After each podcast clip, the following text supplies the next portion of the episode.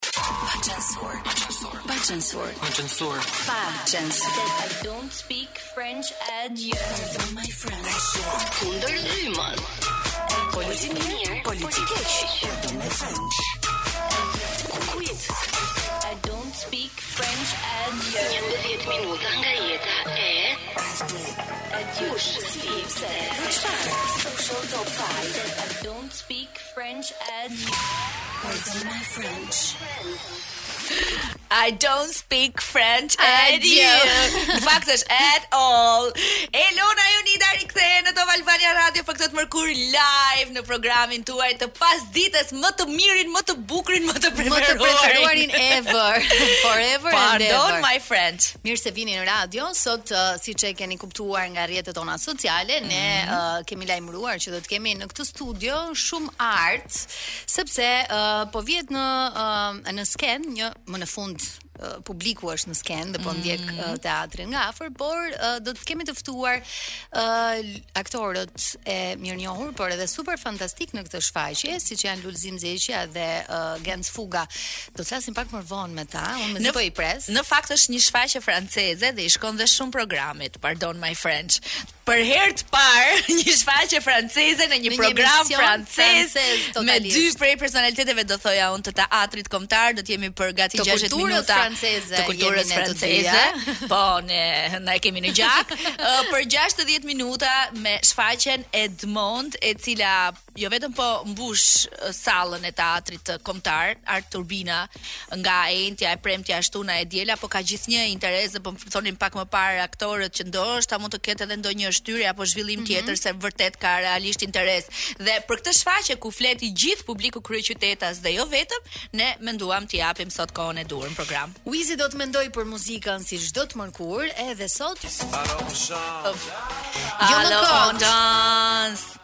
Jo më kot është kjo këngë, ne u rikthyem në studion e Top Albania Radios, sepse nëse ju do të ishit pjesë e sallës ku transmetohet Edmond, ku siç ishim ne te rreshti i tretë, te rreshti i tretë, kjo është një ndër kolonat zanore që uh, për herë të parë duhet ta them dhe për mua ishte hera e parë që uh, përpara se të shoh një shfaqje të vënë në skenë, të gjithë aktorët janë në skenë. Duke pritur mhm. publikun. Duke pritur publikun, publikun. Uh, duke dëgjuar muzikë të mirë, kryesisht franceze, sepse shfaqja është franceze. Franceze. Dhe të jepte një afrimitet shumë më të madh se sa kur ti pret që të hapet uh, perdja po, dhe edhe aktorët të dalin në skenë. Mirë se na erdhët një herë. Lul Zeqja, Genci Fuga, faleminderit, faleminderit që gjetët kohë për të ardhur se Vetëm kur erdhëm në në në teatër edhe pamë gjithë atë shfaqje të përmasave të mëdha kuptuam që jo vetëm jeni super artistë dhe profesionalisht të arrirë, po edhe se mënyra se si e menaxheni menaxhoni kohën tuaj edhe për ne gazetarët është realisht për të thënë faleminderit. Ju jeni çdo të enjte, premte, shtunë, Shtunë, të diel. diel, në orën 19 deri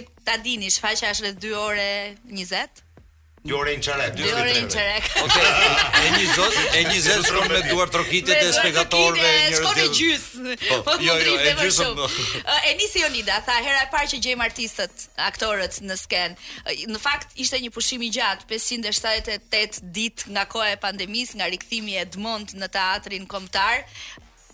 Publiku kishte mall për ju, ju mall për publikun, mos ndoshta kjo është dhe një nga arsyet pse vendosët të ishit aty? Eksakt, kjo ka qenë arsyeja pse Indrit Çobani, regjisori i shfaqjes na vendosi, mm -hmm. ishte ne kishim lënë që publiku i parë, njeriu i parë që do të futesh në sallë, mm -hmm. do të prishte do të pritesh me duartrokitje. Po. Edhe pastaj ajo ndodhi si pjesë e shfaqjes. Oh, është është ide po. shumë e bukur. Sepse ishte goxha emocionale, ne kishim ndërprerje shumë të madhe nga mhm. publiku, edhe publiku me ne. Genci Fuga, kishit ju më shumë mall për publikun apo publiku për ju?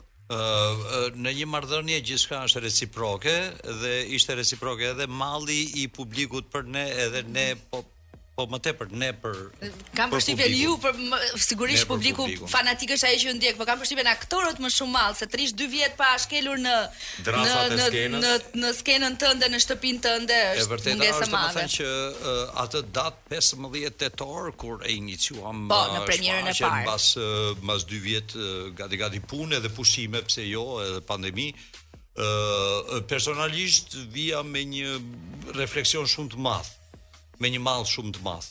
për normalitetin e gjithë situatës.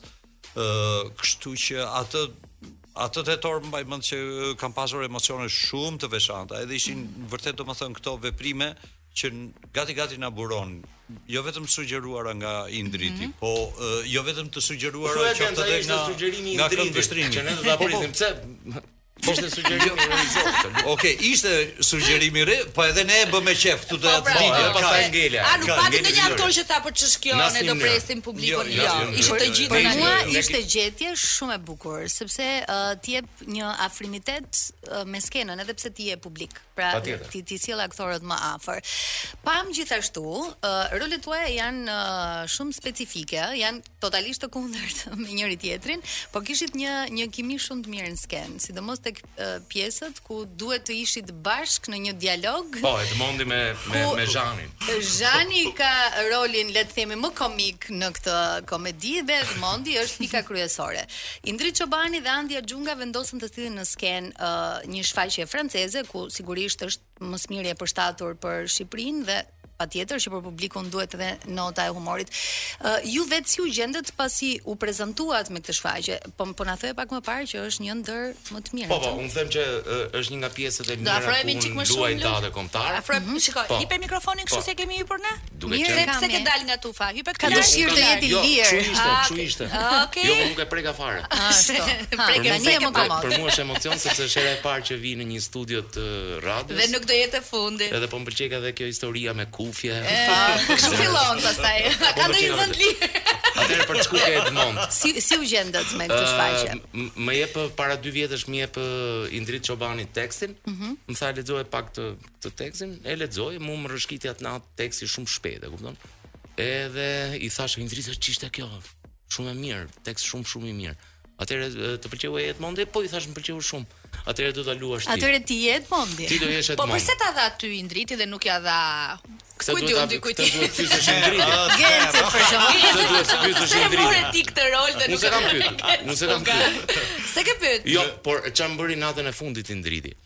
Më vinte nga mbrapa skenës para se të fillojë shfaqja okay. dhe më thoshte Lulzeqa. Po ik o Indrit i thashë se fillon shfaqja. Jo do të them diçka tha. Tashi tha po e kuptoj tha që ky rol tha ishte për ty tha se mendoja që mund të më shkonte edhe mua po ti. Se e kisha menduar një jo. për veten time. Vjen ti si isha. Ti si si u gjende me trupën e aktorëve po e po se duhet thënë që janë një numër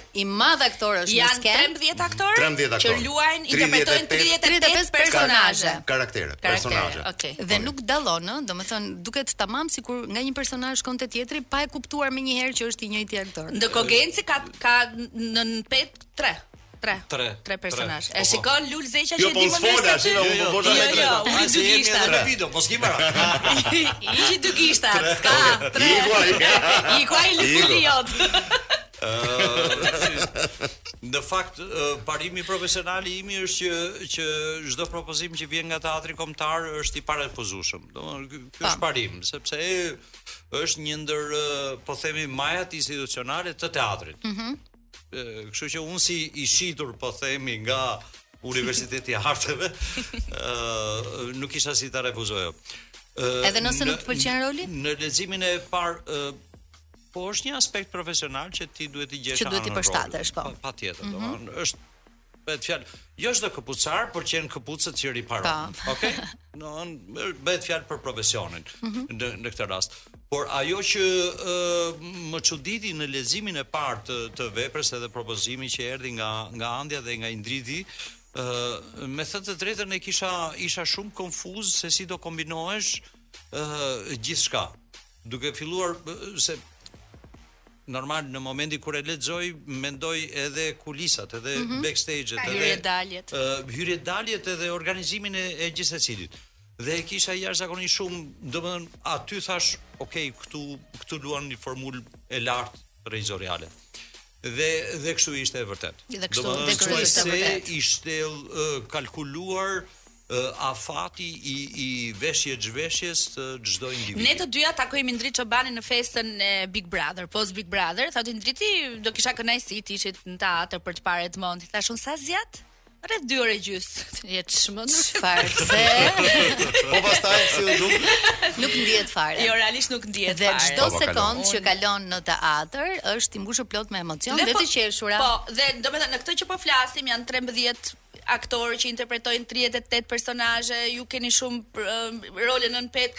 Uh, thash do do krijohet një kakofoni aty, do ketë një rrëmujë aty, do ketë sa zhurmë aty, s'do merret vesh i pari ditë. Po në fakt keni një uh, një sinkronizim me njëri tjetrin të jashtëzakonshëm dhe për t'u duartrokitur dhe njëri Indriti, Andja po mbi t'gjitha mbi t'gjitha ju. Uh, Ka ndonjëri që se është kam përshtypjen e dëgjova edhe një intervistë të Gencit, është kështu si makineri që ecën edhe njëri po çaloi ajo makina ë po, mund të ketë probleme.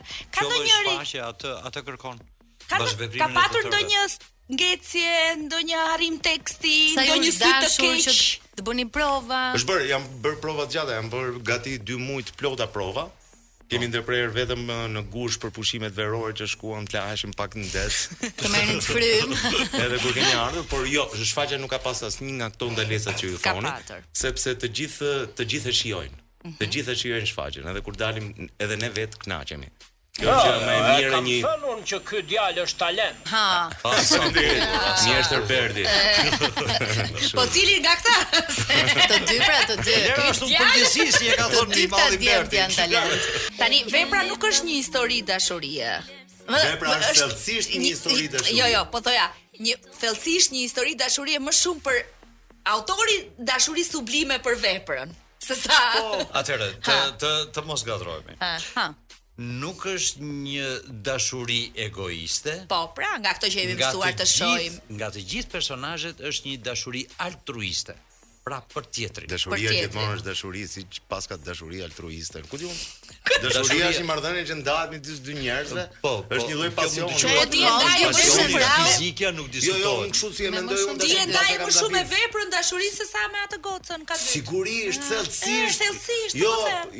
Mirë me veprën, po edhe me vajzën, me Ilirdën.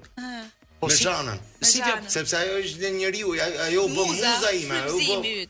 Është më e madhe lindi një dashuri më e madhe se me gruan. Mendoj unë, ëh, mbase po, si jo, jo, publik shumë. Jo, më jo, rregull. Sepse dashuria që mund të kuptojmë neve për gruan është edhe fizike. Ndërsa dashuria që kishte Edmondi për Zhanën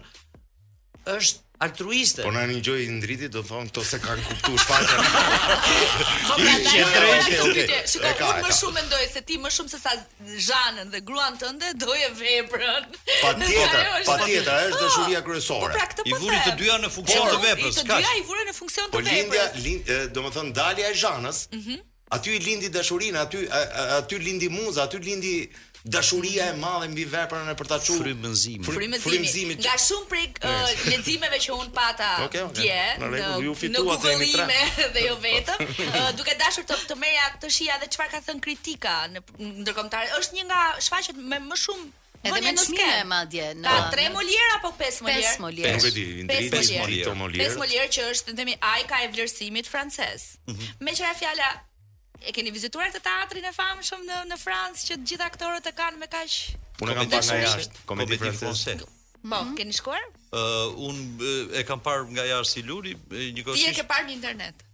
Jo, unë kam qenë, nga jashtë, kam qenë kam pi kafe, bile se ka një ka një bar shumë të lezetshëm. Edhe kam pi një kafe për çejf aty, edhe vetëm kaq. Çdo aktor ka një dashuri të veçantë për teatrin francez apo është perceptim? Jo, është perceptim. Varet nga vepra kam përshtypjen, ëh. Ka njerëz që pëlqejnë teatrin britanik. Okej. Okay. Atë amerikan po luajnë. British, Genc Fuga është, totalisht British. British. A është a është Edmond një French Shakespeare in Love? Po. Po patjetër, po. e ka deklaruar vet uh, uh, Alexis, Alexis Michalik. Uh mhm. -huh. Kam pasur uh, si me thënë, edhe në strukturën e fakteve të ngjarjeve, edhe në strukturën kompozicionale, po themi, është është marrë nga Shakespeare in Love. Shumë e bukur. A është Edmond patenta jote, pasaporta jote në skenën e teatrit apo uh, ke edhe një personazh tjetër për zemër që e ke qartë, domethënë, se le ta themi këtë. S'di ta them, ja këtë, shi ça pyetje bon. Ti e ke qartë me një modesti kështu. Ja ky është kurth, ky është kurth. Jo, po di të them që është një nga personazhet e mira që un luaj në teatër mhm. kombëtar. Mm -hmm. Edhe jam shumë krenar që Indriti ma, ma ka besu rolin e Edmondit Edhe jam shumë krenar që publiku e pret aq mirë Ju që e shijuat shumë atë natë edhe me grupin e aktorëve që më ndihmojnë jashtë mase që unë të jem në një shfaqje që do ta quaja virtuoze. Genc Fuga, a është kjo për ty një shfaqje madhore? Dhe po. nëse po, çfarë çfarë e bën të tillë? Subjekti, interpretimi, uh, loja aktorët? Jo, jo, jo vetëm e para është domethënë do ta ripërsëris dashuria altruiste që ai përcjell, për të cilën ne si publik kemi jashtëzakonisht shumë nevojë. Një avangardë që ka për sa i përket trajtimit regjizorial të të pjesës, intensitetit të tyre edhe lojës aktoriale, lojës profesioniste aktoriale që kërkon sepse nuk kërkon të njëjtën lojë siç mund të merret në shqyrtim veprat e tjera. Një kuriozitet personal, për shembull kur kur një skuadër futbolli do të shohë një skuadër se si ka luajtur në vite, ëh, mm -hmm. ka video apo informacion oh. apo e sheh në, në YouTube, në ekran internet. Keni parë Edmondin diku? Keni po, parë si shfaqje më përpara? Jo, shfaqje jo, un kam parë, un kam parë fragmente të vogla që janë në YouTube. Ëh. Mm -hmm. Filmin e kam parë mbasi mbasi dhashë premierën e parë. Ëh. e pashë filmin. Mm -hmm. Më përpara nuk doja ta shikoja. Mm -hmm. Unë ende s'e po, kam parë. Unë ende s'e kam parë. E jep digital e jep. Po, e jep po, po. digital. Dhe prandaj them që kjo është jo, s'ka asnjë problem. A më stë. Okej, më fal. Jemi në shtëpi. Okej. Të topit dhe digitalbit nuk ka problem. Ideja është që pra biem të gjithë dakord me atë që thamë fillim që kjo, përveç se është një vepër shumë e mirë franceze, që ka marrë shumë vlerësime, është totalisht e përshtatur edhe për publikun shqiptar, edhe për ju, domethënë, personazhet që ju keni, i keni uh, bërë tuajt, i keni dhënë shumë nga vetja dhe kjo do të thotë që nuk ka lidhje fare me me me veprën që është dhënë më pas në botë dhe me gjithçka tjetër që mund të kesh parë në film apo ndonjë huazim le të themi të sjelljes së Edmondit apo të personazhit që luan Genci. Ka pasur pjesë të, të spektatorëve mm -hmm. shumë të nderuar që e kanë parë veprën edhe në në Francë edhe këtu dhe kanë parapëlqyer veprën këtu. Dhe unë jam shumë e sigurt që është um, një arritje shumë e madhe për teatrin kjo dhe duhet vlerësuar jo vetëm mënyra e, e komportimit, por edhe um, përshtatja e, ske, e skenarit që është bërë për sa i përket uh, uh, shfaqjes në Shqipëri. Këtu çdo aktor ka gjetë vetveten sepse uh, shfaqja është edhe një himn shumë i madh për teatrin.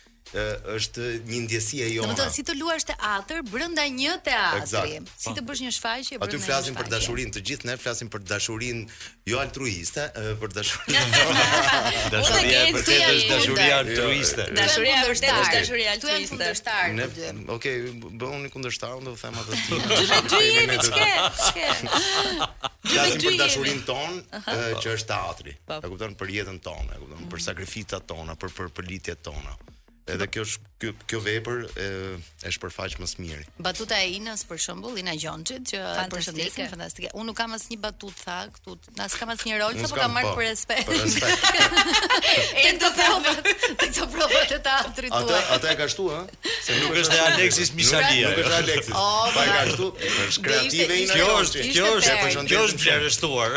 Prandaj thashë që është shqiptarizuar shumë dhe ju jeni përshtatur aq mirë me të gjitha rolet që ju keni duke i dhënë dhe dhe pjesën tuaj nga vetja. Ndalemi pak tani tek familja, ju të dy jeni prindër tashmë. Po. Luli pak më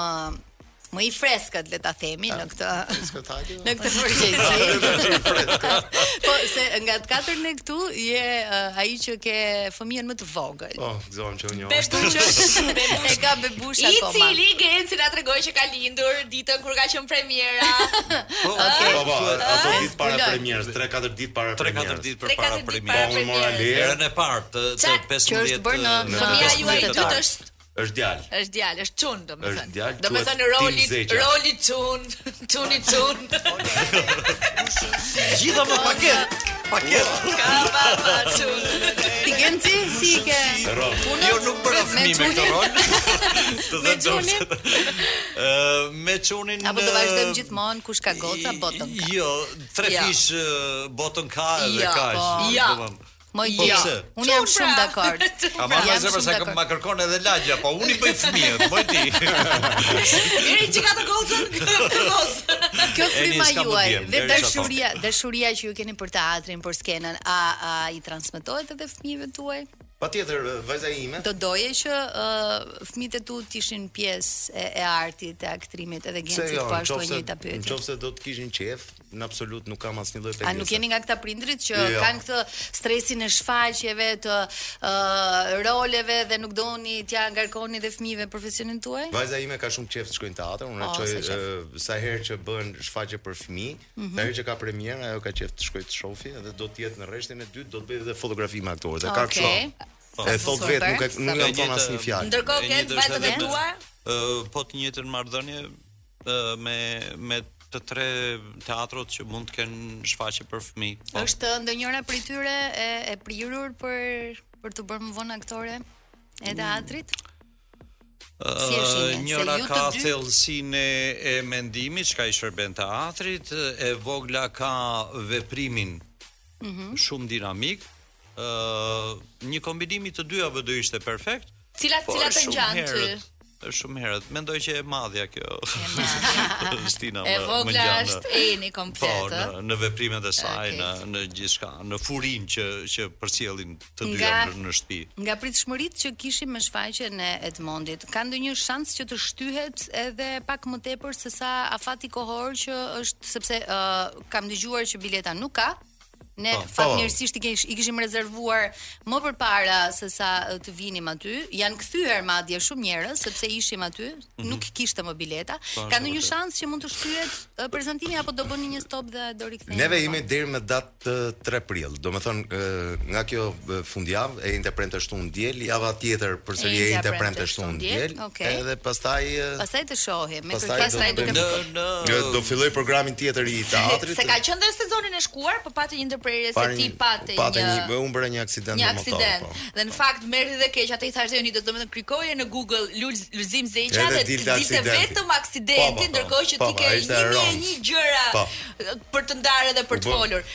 Po nejse. Po më duket se folën për çunat e webit edhe se si e zbukurojnë uh, titujt e këto. Po pra, po pra, po pra, po pra, ka po pra. Shumë komerciale ndërkohë që ti shëndosh mirë. Kur në atë kohë, në atë kohë dilnin gjithmonë kështu, domethënë sepse ishte pandemia dhe dilte gjithmonë një njoftimi i jashtëzakonshëm dhe prej shfaqja mund të ishte mund të ishte kaluar edhe çik më lehtëshëm, por Po u morën me. S'ishte asgjë me zarar apo? Jo, un pata jo. një thyerje të kaviljes edhe po. kaq.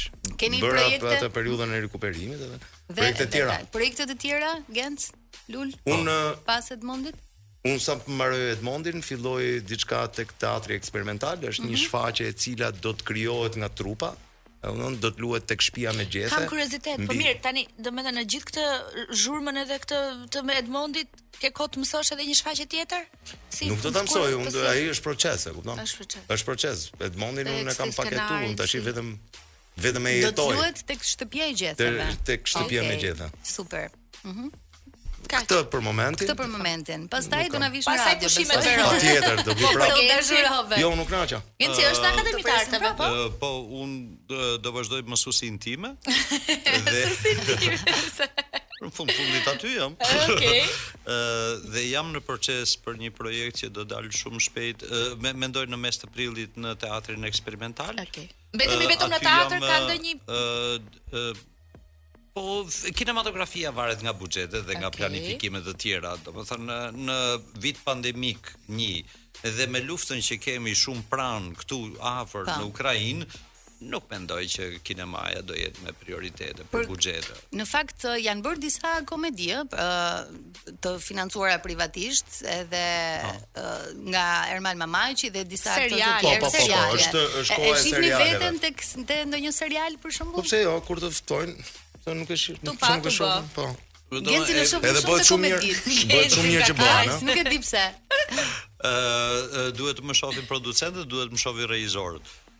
Ë pastaj ne politika castingu s'është se kemi. Po, po.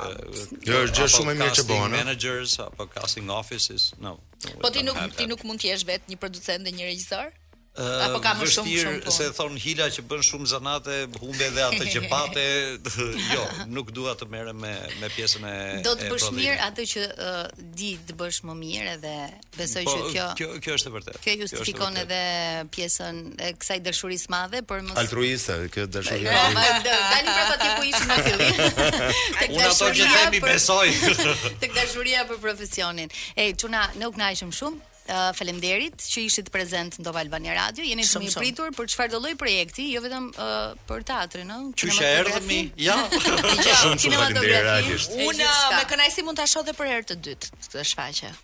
Më thuaj kur do vish se do të rezervoj. Edhe në këmbë aty të rri. Jo, në këmbë, jo, në këmbë nuk lejohet.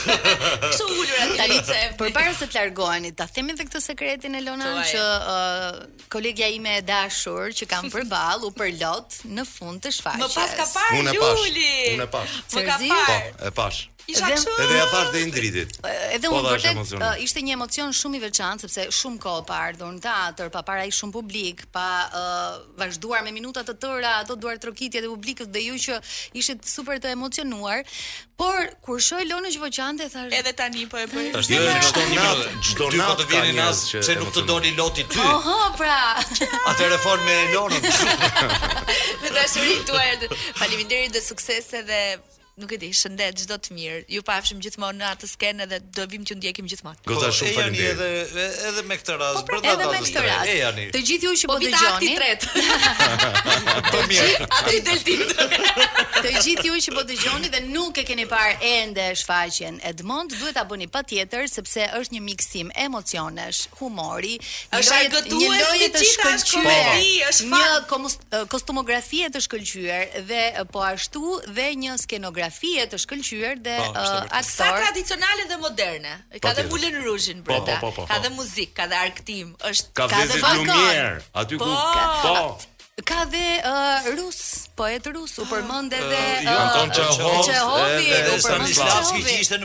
Punë e sipër. Ka për të ngrënë, ka për të pirë. Gjithçka, gjithçka. Në Teatrin Kombëtar prap nesër.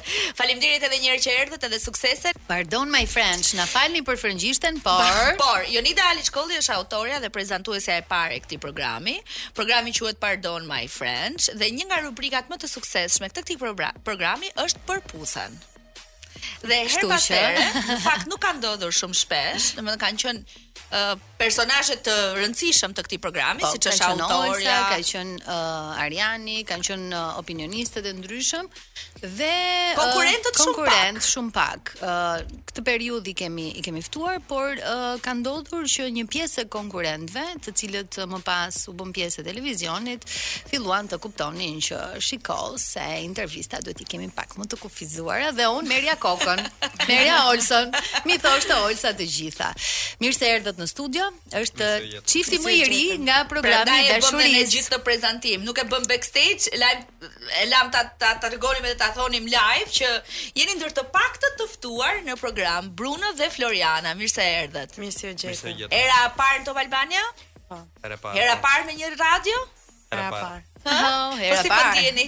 Afro pak Bruno. Uh, shumë komod edhe mm, është privilegj i madh që vi për herë të parë këtu dhe që jam nga të paktët që jam i ftuar. Po, po, tamam privilegj. Është vërtet. Faleminderit. Ë uh, si po ndiheni se janë shumë pak ditë nga spektakli i të shtunës, ë uh, ju jeni çifti më i ri pas një surprize fantastike si po i kaloni këto ditë, si po i shijoni se tani jeni jashtë kamerave. Ladies first.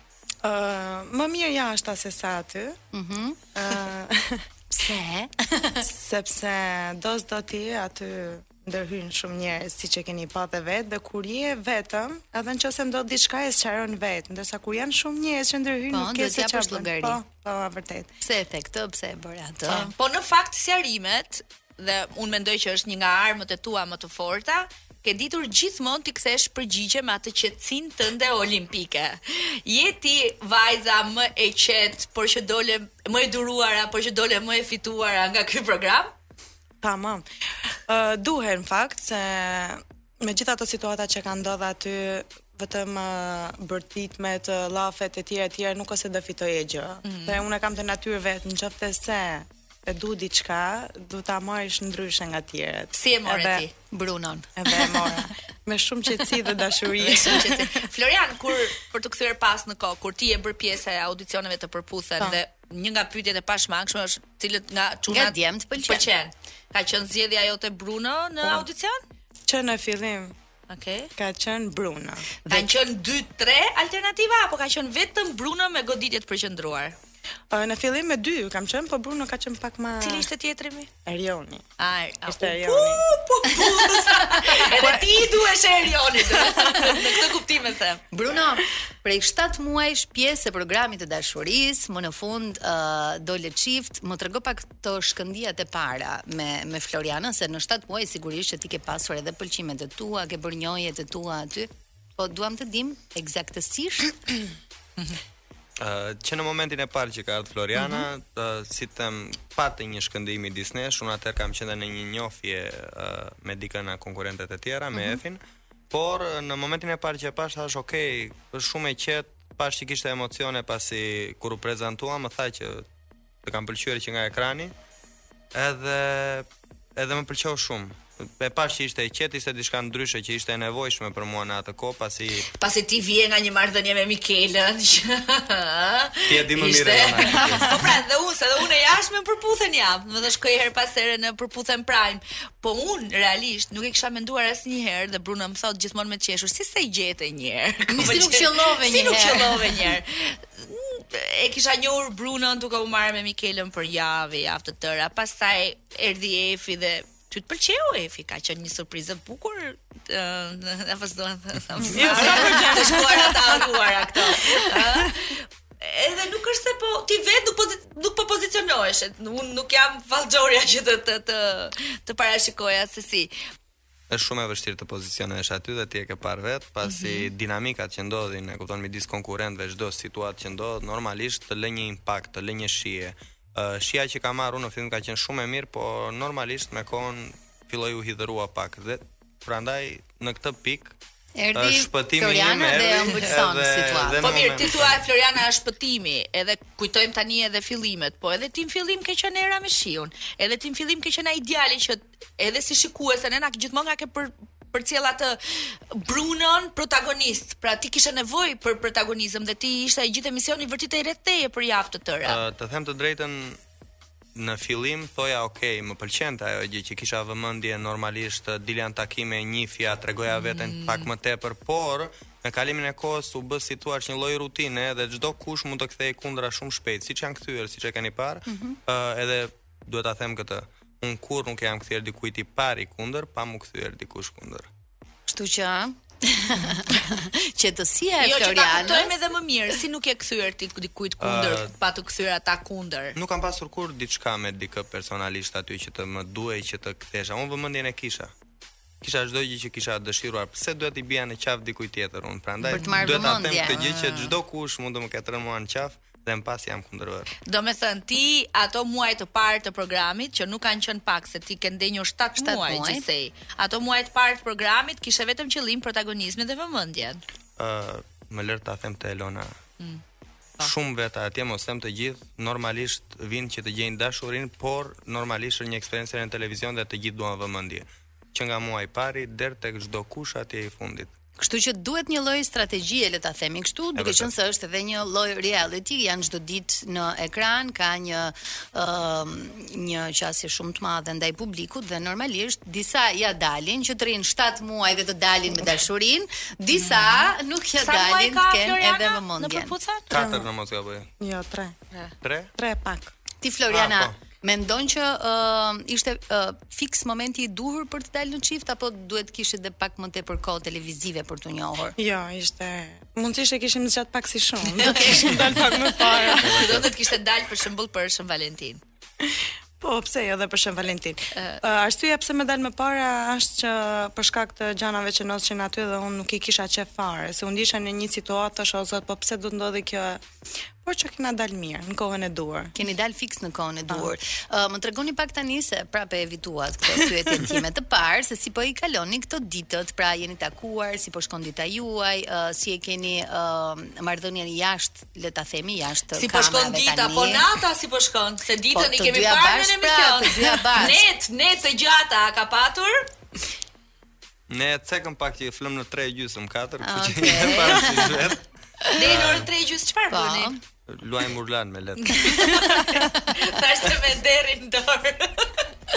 Floriana tha që unë nuk nuk fle shumë natën, ndërsa Bruno preku pak një temë e cila në fakt po kthehet në trend kohët e fundit, siç janë rrjetet sociale kanë kohë, por në mënyrë të veçantë TikToku. Mm, po. Ti je bërë pjesë e TikTokut, je një ndër personazhet më të komentuar edhe të ndjekur po ashtu. Na trego një çik a fitohet me anë të TikTokut dhe na e shpjego pak se si fitohet, se unë nuk e kuptoj. Uh, është e vërtet fitohet, është bërë një trend në këto momente, çdokush të cilët kanë një numër të konsiderueshëm ndjekësish, kanë mundësinë që të shkojnë live edhe të bëjnë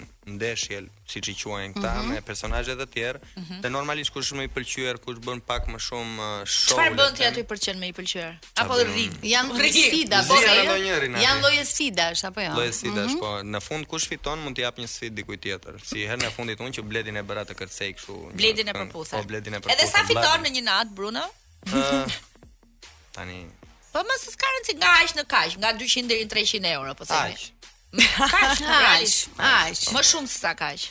Ma mëso dhe mua këtë lojë. Duhet mësuar. Po. Prandaj doja ta dija po prap nuk i ka klesh. Mirë, për t'u rikthyer tek dashuria juaj. E vjen Floriana në Përputhen edhe ty të pëlqen. Edhe ti harrove gjithë ato gocat e tjera. Ftove Florianën për takim. Pastaj, si vazhdoi rrugëtimi juaj? Pastaj u Prish takimi i parë. Pse? Takimi i parë doli shumë keq edhe titulli mbaj mend në Përputhen që takimi më skandaloz në Përputhen. Me vërtet, po, po. mbaj mend këtë takim më të. Po pse? Me vërtet. Pse ça ndodhi? Kishte shumë emocione. Kishte shumë emocione. Po. Nuk fliste fare. Domethënë as vetë s'e kam kuptuar akoma deri më sot se pse ka dalë ashtu ai takim. Dhe mas atij takimi un pata kërku dhe mu largu nga emisioni fare. Realisht. Po. Kishe uh, komplekse, droj, ndonjë lloj sikleti kundrejt Brunos apo fakti që ti tashmë ishe përballë kamerave fakti të ndryshoi? Fakti që po, nga kamerat ishte e gjitha ajo, edhe domethënë nuk e nuk dija se si të sillja si të flisja veç kur shifsha ato kam kamera që i kisha para thash o zot i madh po tani ç'a do them ç'a do bëj si do sillem Edhe mbas atij takimi mendova që të largohem komplet nga emisioni. Sepse mendove që ti nuk je nuk jam uh, për, për një format ja, televiziv pa. Po. siç mund të ishte për Dhe kur fola dhe me produksionin, ata nuk më lanë të ikja. Më thanë një opit edhe pas. Po. Mos u dorëzo thanë kaq shpejt sepse ti do ia dalësh. Mas shumë bindjeve të produksionit, unë qëndrova aty edhe dhe bëre shumë mirë. Bëre po. shumë mirë, po. Më vërtet po, bëra shumë mirë. Tani ti bëre shumë mirë që qëndrove, po çfarë bëre ti që e bëre Brunon për vete? Se të rrish kot nuk është se është një armë e fortë për të bërë djalin përballë pas vetes. Tani e bukura e dheut është, le ta themi këtë gjë. Iku kjo, këtë e po, kanë gjetur. Këtë. Mhm. Jo për të bërë çifte. por që me kur e kam zgjedh Brunon në takime, e kam zgjedh me shumë qef, jo thjesht me bën një takime mm, dhe okay. me dal në emision edhe okay, ja kaq ishte. Dhe takimet që i kam bërë me Brunon kanë qenë shumë të ndjera. A ka qenë, gjitha takimet. Ka qenë takime edhe jashtë kamerës, nga ato që nuk kemi parë ne asnjëherë? Kështu fshehurazi që nuk lejohet që është një nga rregullat që thyhet në emision? Opa, ha Bruno. Do të bëj lajm. Shprehu. Po ja lë Brunos. Jo, unë dua të flasi Floriana se është më e sinqertë. po jena taku. Olca. Po tani dolën çift, nuk ka më. Tani Olca do thoshte për hatër të dashurisë, lejo ta thyejë rregullin. Jeni takuar. Keni dhe një grup në përputhen, një grup në WhatsApp. Mm -hmm. Keni kohë që komunikoni me njëri tjetrin edhe jashtë grupit? Që në fillim që ka hyrë i kam dërguar kërkesë, unë i pari dhe direkt i shkruajta. Ah, dhe direkt i shkruajta. Paskan qenë të thella këto. Halucinacione, keni natën? Kështu quhet kjo kënga. Ë, si jeni me me gjumin e natës? Flini vonë. Zgjoheni vonë. Unë s'i kam marrëdhëniet mirë. Po si arrini Të ishit në përputhen, të ishit të freskët, gati për sherr, gati për dashuri, gati për surpriza, gati për të lyer, të rregulluar, të bukur, domethënë. Apo rinia thua, i riu si veriu. Ka të bëjë ai me kapi. Pastaj me kapi fshihet. Ej, uh, Bruno, është më mirë brenda apo jashtë emisionit? 7 ditë pa emisionin, ndërkohë 7 muaj në të. Ë, uh, mendoj jashtë. në për njohjen po thua. Jo, flas ty tani vetë personalisht. Të mungon emisioni? Vëmendja, jo. fama. Jo, vëmendja. Protagonizmi. As protagonizmi pasi në fund të fundit qëllimin për çka hyra edhe çka doja të merrja nga një emision e kam marrë. Dola më i fituar nga ç'doja duke dalë me një femër që unë e pëlqej shumë edhe mm -hmm. kam shumë për zemër. Oh, sa të bukur. Edhe për më tepër, vëmendja dhe jashtë vazhdon, njerëzit përsëri të takojnë, bëjnë foto me ty, sado që mund të jetë thjesht fillimi tani më më vonë do pakësohet normalisht, por po mundohem ta mbaj shpirtin e televizionit gjallë, duke u munduar. televizioni Bruno? Shumë, shumë edhe kam qef të kem një projekt timin në fund të fundit. Okej, okay, e ke menduar, e ke gati apo uh, kam shumë ide, Mm -hmm. Edhe kam diçka gati, domethënë si ide, por normalisht... Kur e bën gati ti? Në ato prapa ju! Riti. Tani më thoni pak planet që keni të dy bashk. Uh, pas daljes kam përshtypjen që do t'ju duhen ditë, kohë, uh, me njëri tjetrin. Keni ndonjë plan të dy bashk? Në fakt për momentin kemi një plan që të bëjmë një udhëtim bashk, po se kur do ta ndajmë datën nuk e kena vendos akoma. Okej, okay, do bëni një udhëtim romantik. Ta theksojmë këtë gjë romantik. Për aq kohë sa jemi të dy romantik.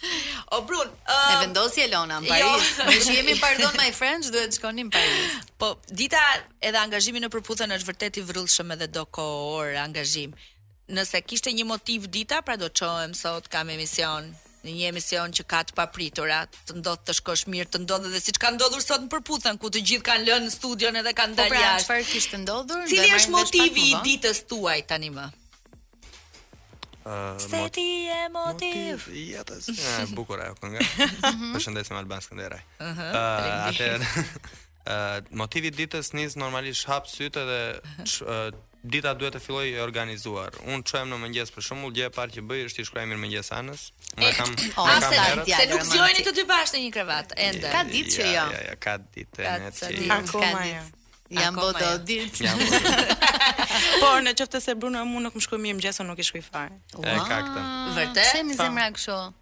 Se Bruno zgjohet para meje.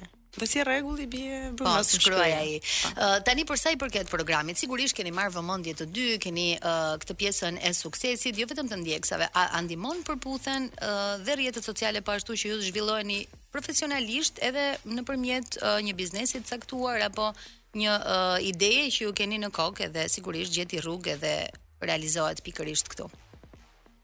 Fol Ana. Ndikon ajo. Mhm. Ndikon shumë madje. Ty si të kanë ndryshuar gjërat pasi u bëre pjesë e Përputhen? Ë, uh, për mirë ka ndryshu dhe një arritje shumë e madhe që nuk e kam mendu fare. Mm -hmm. Se isha hutume komplet në atë botën mrena Përputhen dhe nuk e mendoja se ça do ndodhte jashtë. Ama Ana e ka një biznes, biznes të saj. Po, po. Të cilin e ndërtove si po dhe rrite përgjatë Përputhen apo?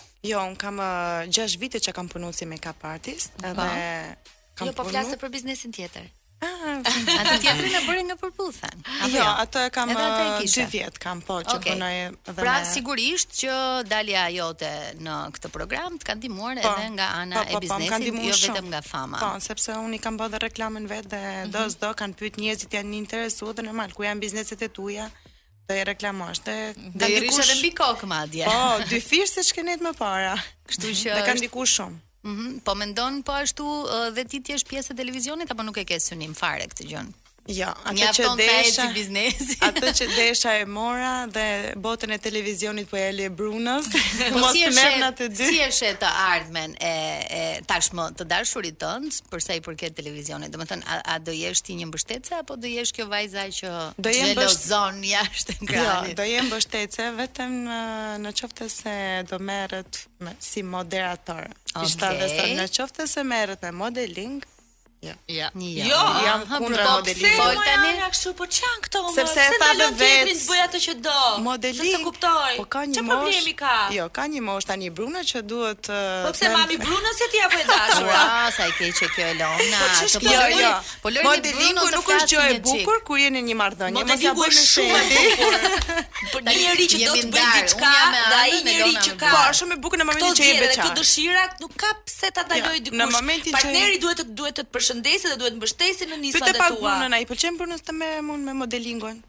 Jo. Të fal Bruno, jo. Po të fal.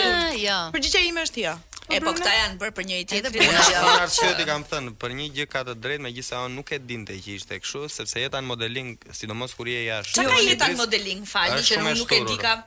Bashkëjeton me femra të ndryshme modele, ta them unë.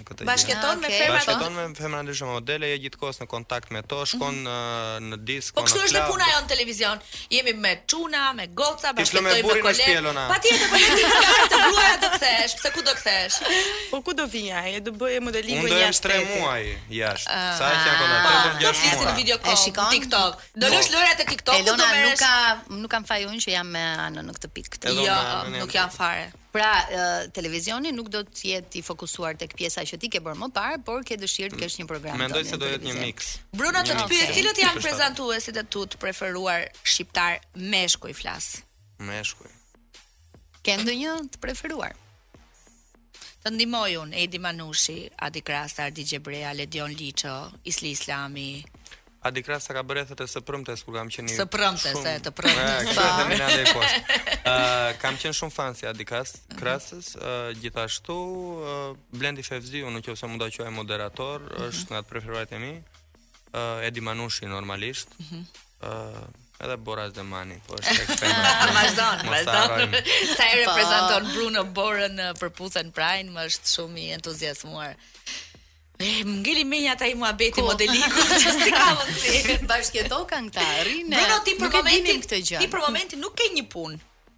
Momentalisht jo, punë stabël jo. Jo. Mm -hmm. Po me Instagramin edhe me rrjetet e tua sociale, ka diçka, nxjerr nxjerr diçka. Normalisht ka përfitim, domethënë te pjesa si influencer në në atë pjesë me ndihmën e Instagramit, mm -hmm. jo mhm. në lidhje me një biznes online që kam krijuar me një mikun tim në lidhje me veshjet. Mm -hmm. Edhe ka përfitim, por normalisht dua diçka stabil. Kam nevojë për diçka si thua 8 orarsh, si i thonë që të të fokusohesh një post office, një post office, ato. Tani ë uh... Un them ta bëj Brunon uh, kështu për flokët edhe të vish punosh me mua. Parukier, po ti merresh me pjesën e flokëve, Ana bën make-upin. Un pash që Bruno e kanë parë të gjithë, jo vetëm un, por edhe pse ka veshur xhaketën dhe bën si djalë serioz, ka një trup shumë të mirë dhe të mbushur plot me tatuazhe. Ke menduar të bësh, domethënë sigurisht që të gjitha tatuazhet e tua besoj kanë një kuptim. Kanë kuptim të gjitha. Po. Tani pas daljes nga Përputhen, do kish një tatuazh që ka kuptim. Jo. Jo. Nuk i paska mbyll muhabetet me Jo, tatuazhe. asnjëherë nuk bëj diçka, domethënë që ka të bëjë me një marrëdhënie ose me dikë tjetër. Që unë mund të kem Sepse një e di që marrëdhënie. marrëdhënia do prishet. Jo. Alona, Alona. Jo, po mendoj se ai person është ende gjallë, më jep kujtime të reja, më jep të kaloj Flas, mirë edhe për gjithkohës, programin, pse? ëh, pse jo, jo vetëm për Anën. Të bëj diçka për Përputhen. Ndoshta një buzë aty. Që më e kanë bërë më përpara. Një përputhje, e kanë bërë të tjerë. Nuk ja ose molla, ajo molla gjysëm kështu. Është shumë e bukur sigla e Përputhen. Ë, janë takuar prindrit tuaj? Ai ka jo, jo. fiksim këtë punë. Jo, kështu që. Ju i keni takuar prindrit e njëri tjetrit? Unë kam takuar mamin e Anës. Lorianës, po. okay. Edhe motrën e kam takuar. Okej. Okay. Kështu pak rastësisht apo keni ndenjur gjatë? Uh, Opa. Tamam, u vendos ti. Ai kaq duam.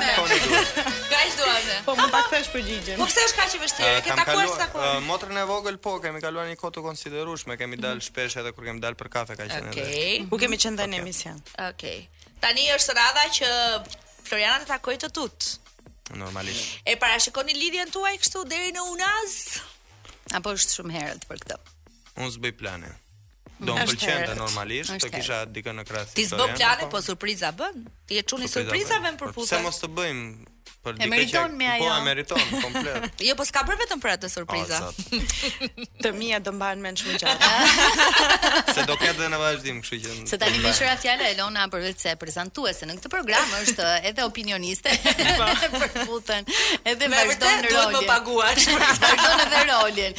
Uh, në fakt, uh, para se të vinte Elona në program, ne kishim një rubrikë uh, që quhej S'përputhen dhe çdo situatë që mua më dukej uh, domethënë që nuk e konsideroja uh, të këndshme, qoftë sherret që bënit ju apo ndonjë deklaratë e, e pjesëmarrësve apo konkurrentëve, e bënim pjesë të programit, por duke e trajtuar me shumë humor.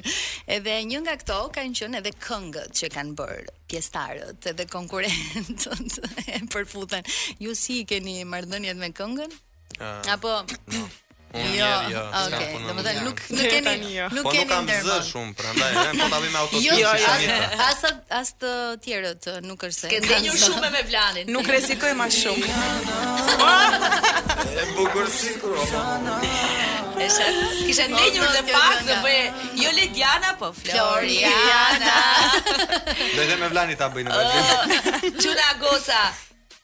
Ka një çun, një vajzë, një djalë në Përputhen që ju e e konsideroni, e konsideroni mik. mik, shok, edhe thoni fjalët më të mira për të dhe anasjelltas. Ka ndonjë personazh aty që nuk një kohë. Jo, një secili ka të veta. Secili ka. Vetëm modelingun kishit përbashkë. Kemi të përbashkët, jo. Edhe miq, zakonisht kemi të njëjtin mendim. Kjo na na jep një shtysë madje. Uh, unë për shembull kam shumë miqësi me Bledin, kam vënë re që dhe Ana ka shumë miqësi, ndërkohë mm. futet live gjithmonë në TikTok më shumë Ana se sa unë okay. me Bledin. Jo ke vënë re, po e kam me vërtetë. Po. Okej. Okay. E kam kunat. po Ana? Uh, tjetër. Nga vajzat se Bledin e morëm vesh. Nga vajzat. Apo s'ka shoqe. Jo, kam me Rrushen, me Fjorin. Mhm. Me ato që s'kam dalë unë me pak po, fjalë. Kuptohet. Të tjera kuptohet. Nga një fjali shkurt për Borën, Olsën edhe Arjanin. Janë më të mirët. Të tre. Super punëtore, super të afta për atë punë që bëjnë, uh, njerëz shumë të mirë edhe më pëlqen fakti që janë karrieristë.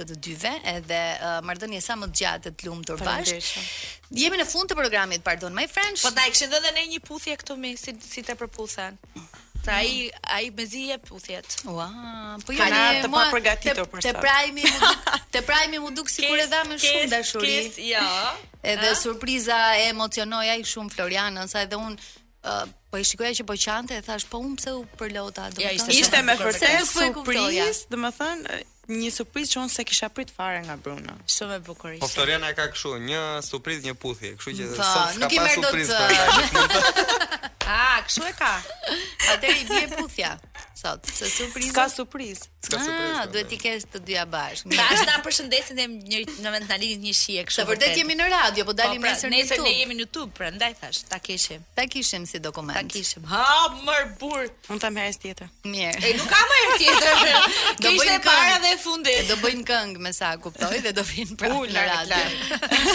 faleminderit edhe suksese ne jemi në fund. Faleminderit gjithë që na dëgjuan Top Albania Radio dhe ata që na shohin në YouTube. Programi është nga pas 24 orëve në YouTube dhe gjithë të mirat edhe juve. Wizy, thank you për muzikën. Është e fundit Night Away. Ju përshëndesim të gjithëve. Ciao ciao. Natën.